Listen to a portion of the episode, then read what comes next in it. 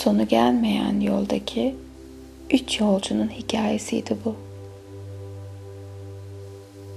Ve bu üç yoldaş bir akşam çantalarında son bir parça ekmek kaldığını fark etmişlerdi. Ve nasıl paylaşacaklarını bilemeyen bu üç arkadaş bu ekmek parçasını ertesi günü bırakmışlardı. Ertesi sabah birbirlerine rüyalarını anlatmayı ve ekmeği kimin alacağını rüyaların belirlemesinde karar kılmışlardı. Sabah olunca bir araya gelmişler. Birinci yolcu rüyasını anlatmaya başlamış. Rüyamda yanımda bir melek vardı. Beni avucuna aldı ve gittiğim her yeri, yardım ettiğim herkesi, değiştirdiğim her hayatı yeniden bana gösterdi.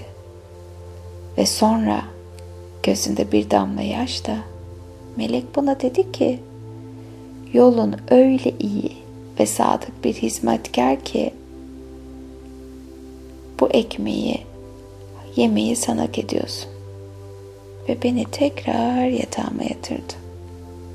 Anlatmayı bitirince sanki başka kimsenin bu kadar harika bir rüya görmüş olamayacağından eminmiş gibiydi.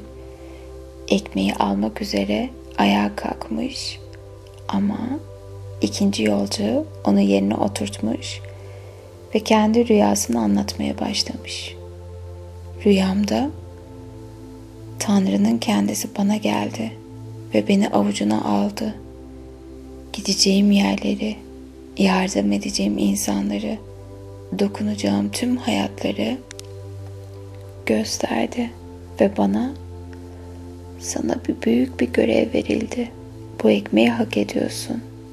Çünkü burada sana daha çok ihtiyaç var dedi. Sonra beni hafifçe yatağıma bıraktı. İki yolcu şiddetli bir öfkeyle birbirlerine bakmışlar.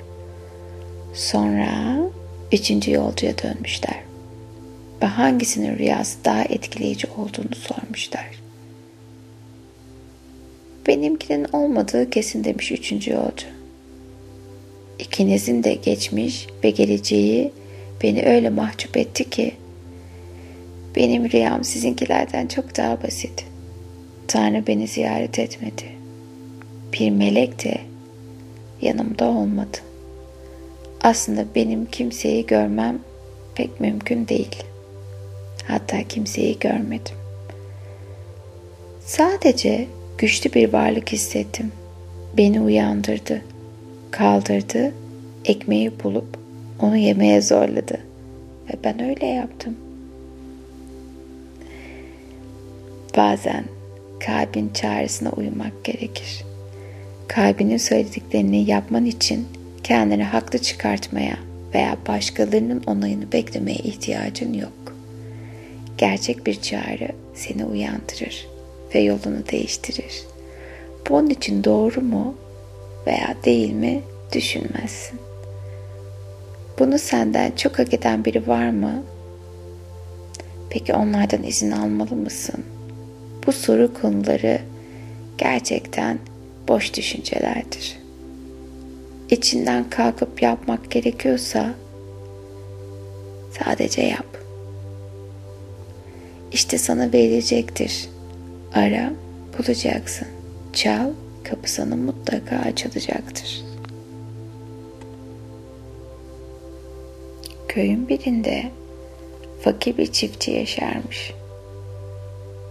Tarlası sadece kendisini beslemeye yetiyormuş. Her gün Tanrı'nın ona bolluk ve zenginlik vermesi için dua ediyormuş. Tanrı'ya bir de yol gösteriyormuş. Bak Tanrım, yarın gidip şu ağacın altını kazıyacağım. Neden oraya geceden bir hazine koymuyorsun? Ben de sabah bulurum. Söz veriyorum. Yarısını ülkenin en fakirleriyle paylaşacağım. Bir gün köye arkası altın yüklü bir at arabasıyla gelmiş. Parıldayan altın yığınının tepesinde altından bir kral oturuyormuş. Her yanı parıl parıl parlıyormuş.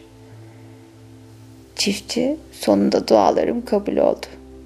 Tanrı bu bir araba dolusu altını bana göndermiş olmalı diye düşünmüş.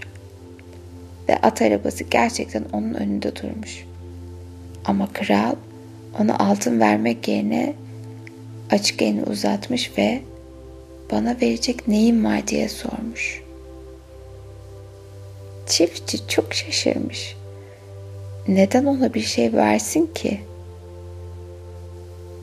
Söylene söylene elini taşıdığı ağır bir pirinç çuvalına daldırarak krala tek bir pirinç tanesini uzatmış. Kral da ona teşekkür ederek yoluna devam etmiş.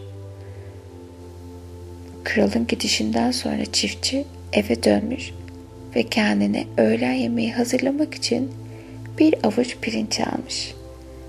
Ve avucundaki beyaz pirinç tanelerinin arasında tek bir altın pirinç tanesi olduğunu görmüş. Çiftçi bir pirinç çuvalına bir de altın pirincin tanesine bakmış. Ve ne kadar az verip karşılığında ne kadar az aldığını görerek ağlamış. Eğer hayallerin varsa istediğin kadarını paylaşmalısın.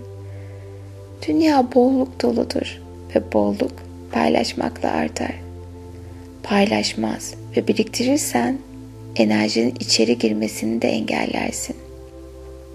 Esirgeme elindeki bolluğu, fırsatları, zamanını, ekmeğini paylaş, emeğini paylaş.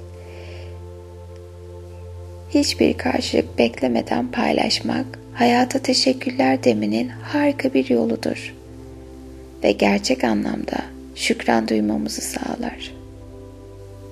Ve senin için bolluk nedir? Hayatına ne tür bolluk çağırıyorsun? Ve hayatında cömertliğin yeri ne? Hayattaki en önemli şeyler bedavadır. Maddi şeyleri biriktirdiğimizde enerjimiz azalır.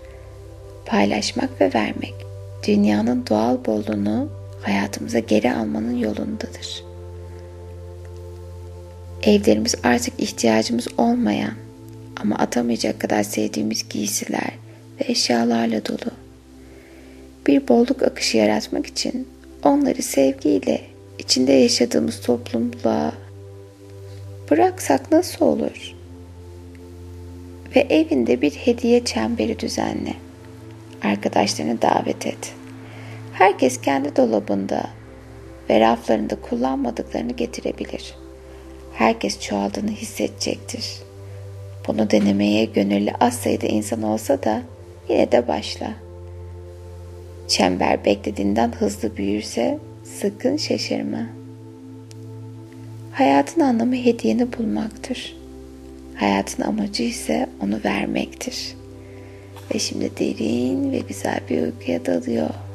Ve tüm günün yorgunluğunu her nefeste bedeninizden, zihninizden ve ruhunuzdan çıkarıyorsunuz ve birazdan derin bir uykunun vermiş olduğu o güzel hisle güzel rüyalar görüyor ve sabahleyin kendinizi hayat dolu, umutlu ve mutlu hissederek uyanıyorsunuz. Ve yeni güne umutla, keyifle başlıyorsunuz. Sevgiyle kalın, güzel rüyalar.